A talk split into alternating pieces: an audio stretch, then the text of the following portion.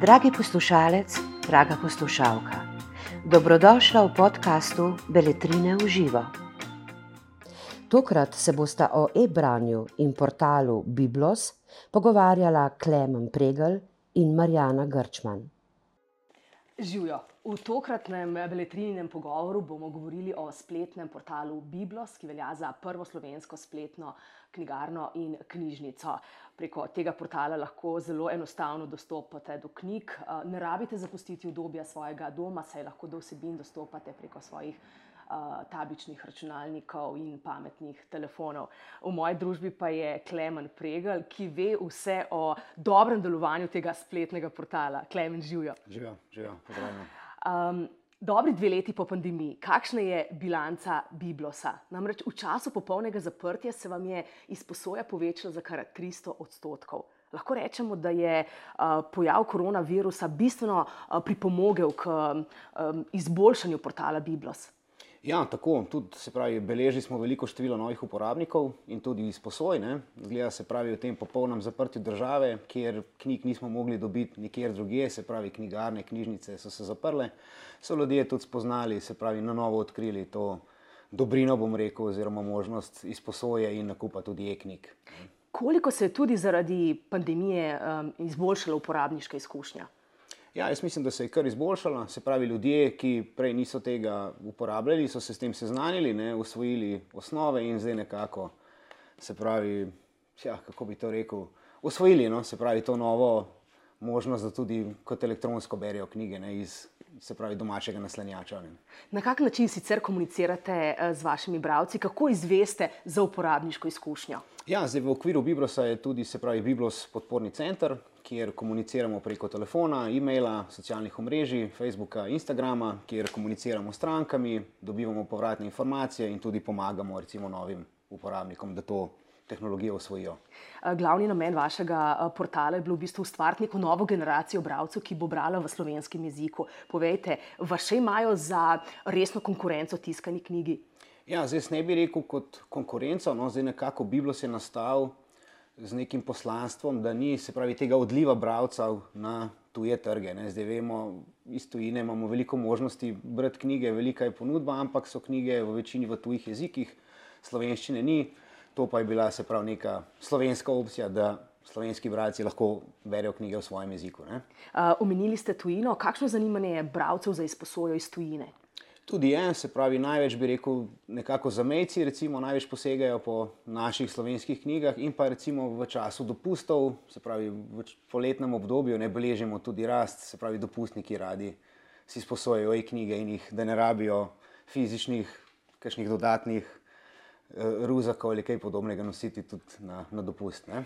lahko rečemo, da so temelji Biblosa trdni, recimo po teh desetih letih od ustanovitve tega spletnega portala, glede na to, da je ta spletni portal povezan predvsem z javnim interesom. Ja, tako jaz bi rekel, da je Biblos kar že integralni del no, bralne kulture, da popolnoma sobiva z fizično knjigo. Um, kakšni so sicer zadržki založb uh, pri njihovih odločitvah, da bodo nove tiskane knjige uh, izdali um, predvsem ali pa tudi v spletni obliki? Ja, zdaj jaz ne bi rekel, da gre za neko kanibalizacijo, ne? se pravi, da bi e-knjiga kanibalizirala fizično. To je se pravi kot neka dodatna možnost, ne dodatna storitev za splošno populacijo. In če dalje več založb, no, se tudi odloča za elektronske knjige, ta trend raste, no, sploh v zadnjih letih smo to zasledili. Kakšne zadržke so pa na začetku imeli? Ja, jaz bi rekel, se pravi, kakšne čisto finančne, ne? zdaj nekoliko ta pretvorba je specifična. Ne? In jaz mislim, da je kle nekako, so, mogoče se malo bale založbe, ne? kako je s tem, ampak zdaj, kot vidimo, zadnja leta ta trend raste in tudi se opogumljajo založbe, če dalje bolj. V ozadju eh, Biblosa se platforma nenehno uh, posodablja, spreminja in prilagaja, seveda v skladu s posodobitvami, posodobitvami uh, kot jih zahteva sistem Android, iOS in Huawei. Kaj to pomeni v praksi, glede na to, da imate opravka z vse večjo poplavo teh digitalnih naprav na tržišču? Ja, zdaj v osnovi je nekih 15 tisoč različnih Androidov na trgu, ne, Mhm. kar je kar izziv za vas. Ne? Ja, tako terja ne nehno, se pravi, neko posodabljanje in prilagajanje, ne, kar pa večinoma poteka v ozadju, to uporabnikom ni vidno. Mhm. Koliko knjig si v tem trenutku mogoče izposoditi, in uh, kako dolgo jih ima uporabnik uh, knjige lahko izposojene? Dobra novica je, kar se mene tiče, je, da ni zamudnine. Ja, tako je, tako je. Zdaj, po mojih podatkih, je nekaj več kot 6600 knjig na voljo na Biblosu. Uporabniki si jih lahko, se pravi, z aktivnim knjižničnim računom izposodijo štiri knjige naenkrat za 14 dni. Kot ste omenili, ni nobene zamudnine ali nobeni dodatni stroški s tem ne nastajajo. Po 14 dneh se knjige avtomatsko vrnejo in si lahko izposodimo nove. Imamo pa možnost, se pravi, prečasnega vračila tudi po 24 urah. Ne? Se pravi, če knjigo preberemo, jo lahko vrnemo in si izposodimo novo. In tudi isto knjigo si lahko večkrat izposodimo, recimo, ne? če jo ne preberemo do konca, ni kakšnih omejitev. Uh, Biblos ponuja svoje bralnika, Inkbook, Calypso Plus in Inkbook uh, Focus, ki imata do oči prijazen uh, e-papir, omogočata pa tudi branje ob sončni svetlobi uh, in sicer brez tega naprezanja. Um, Drži, da je ravno Inkbook eh, zaradi svoje integracije s sistemom mogoče najbolj primeren za nas, bralce. Ja, tako se pravi, zdaj bralniki uporabljajo tehnologijo e-črnila ali Ink. Eh, to je nekako najboljši približek papirja oziroma branju iz papirja, ne, kar pomeni potem, da ni teh težav, ki so povezane z ostalimi zasloni, se pravi, da bolijo oči, da boli glava ali kaj podobnega. Ne, zdaj, ti naši bralniki se od ostalih, če tako na grobo rečem, ne razlikujejo v tem, da na, se pravi, na vse podprte bralnike, ki eh, podpirajo Biblos, je potrebno knjige nalagati preko kabla in računalnika. Na naše bralnike pa lahko se pravi to, kar preko Wi-Fi-ja naredimo, je naložena oziroma prednaložena aplikacija gor, kamor se opišemo s svojimi knjižničnimi podatki in potem na ta način knjige prenašamo na napravo. Uh, je pa sistem in celoten portal Biblos tudi izredno uh, prijazen za uh, slepe in slabovidne. Um, kakšne so še prednosti vašega portala tudi za ostale ranljive skupine?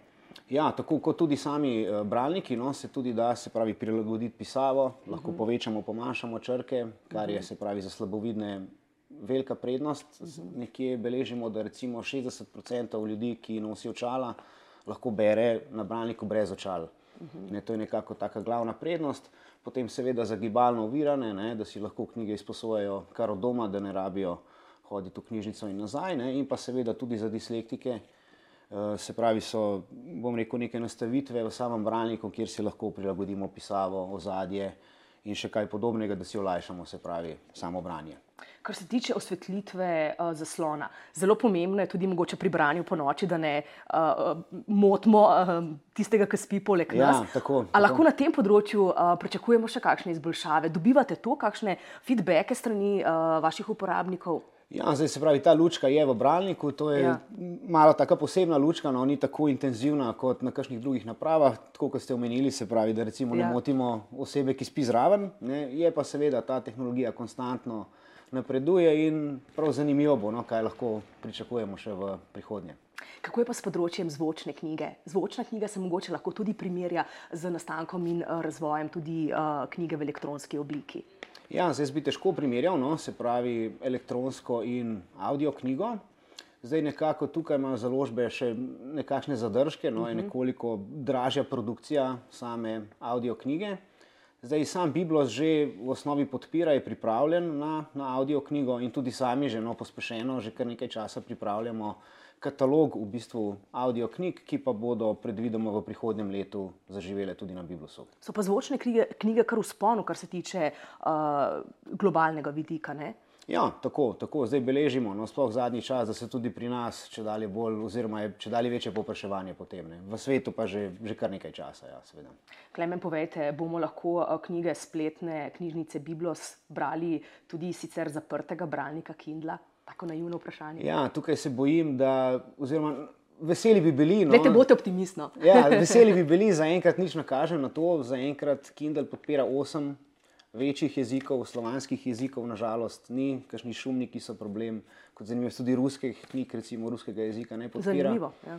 Tako da morda v prihodnje, no, se pa bojimo, da nič ne kaže na to, da bi kdaj iz Kindla brali tudi slovenske knjige. Bodimo vseeno optimisti, no, da uh, se bo nekoč bralo tudi v slovenskem ja, jeziku. Ja, upajmo, upajmo, da kmalo. Upajmo, da kmalo. Z mano je bil Klemen Pregel, ki ve vse o spletnem portalu Biblos. Upam, da smo vam navdušili. Skratka, uporabljajte Biblos. Življa. Najlepša hvala za vašo pozornost. Za več knjižnih vsebin vas vabimo na www.beletrina.si in v našo knjigarno na Starem trgu 3 v Ljubljani.